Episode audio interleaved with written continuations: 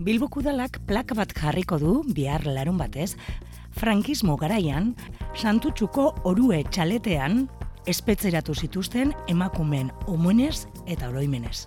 Mila bederatzireun dago eta mazazpitik, mila bederatzireun da berrogeta bi urte bitartean, eunka emakume, batzuk seme alabekin batera, baldintza penagarrietan sartu zituzten preso larrinaga edo orueko kartzeletan, ideia politingoen gaitik edo emakume izatea gaitik.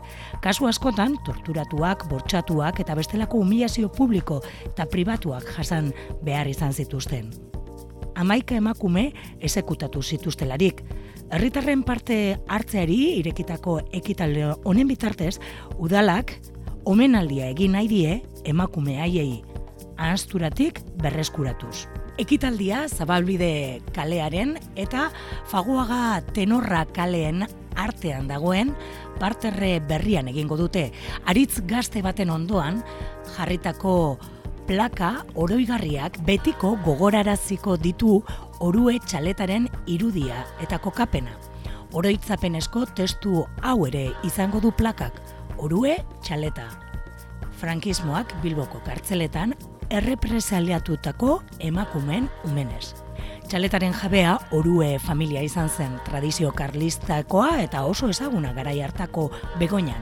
Gerra zibiaren hasieran iesari eman behar izan ziona. Mie beratzireun da berrogeta biaz gerostik, eraikina Santa Marta klinika izan zen. Eta mila bederatzireun da irurogeta zazpitik, irurogeta sortzira bitartean, eraitzi zuten remigio gandazegi, kaleko egungo etxe bizitzak eraikitzeko.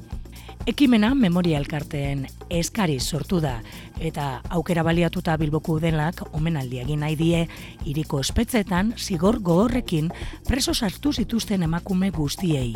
Larrinagako kartzelekoei gizonezkoen espetze hau emakumeak kartzelaratzeko erabil baitzuten frankismoaren hasierako urteetan eta Larrinagako kartzelaren saturazioagaitik espetze bihurtu zuten gertuko orue txaleta. Ekitaldiaren helburua etxe zahar horretan gertatutako basakeriak ahasturatik berreskuratzea da. Izan ere, bost urtez, ehunka emakume giltzapetu zituzten, batzuetan seme alabekin batera, ideia politikoen gaitik edo emakume izatea gaitik. Emakumer preso askok gaizki elikatua eta baldintza penagarrietan pilatuta, torturatuak, bortzatuak eta bestelako miazio publiko eta pribatuak jasan zituzten. Eriotza barne, horren arira, beren beregi goratu behar da amaika emakume bizkaitar esekutatu zituztela, orue txaleta emakumeen espetze izan zen denbora tartean.